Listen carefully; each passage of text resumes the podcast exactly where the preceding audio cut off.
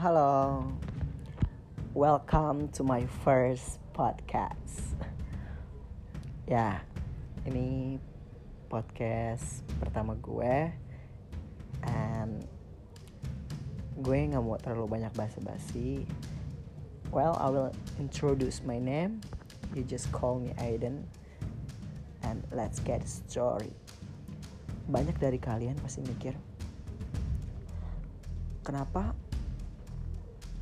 COVID-19 ini menjadi sebuah momok tersendiri termasuk gue gitu. Karena gue tipikal orang yang kok ini kenapa nggak kelar-kelar ya? Kok ini kenapa bisa? Karena sebelumnya sebelum terjadi case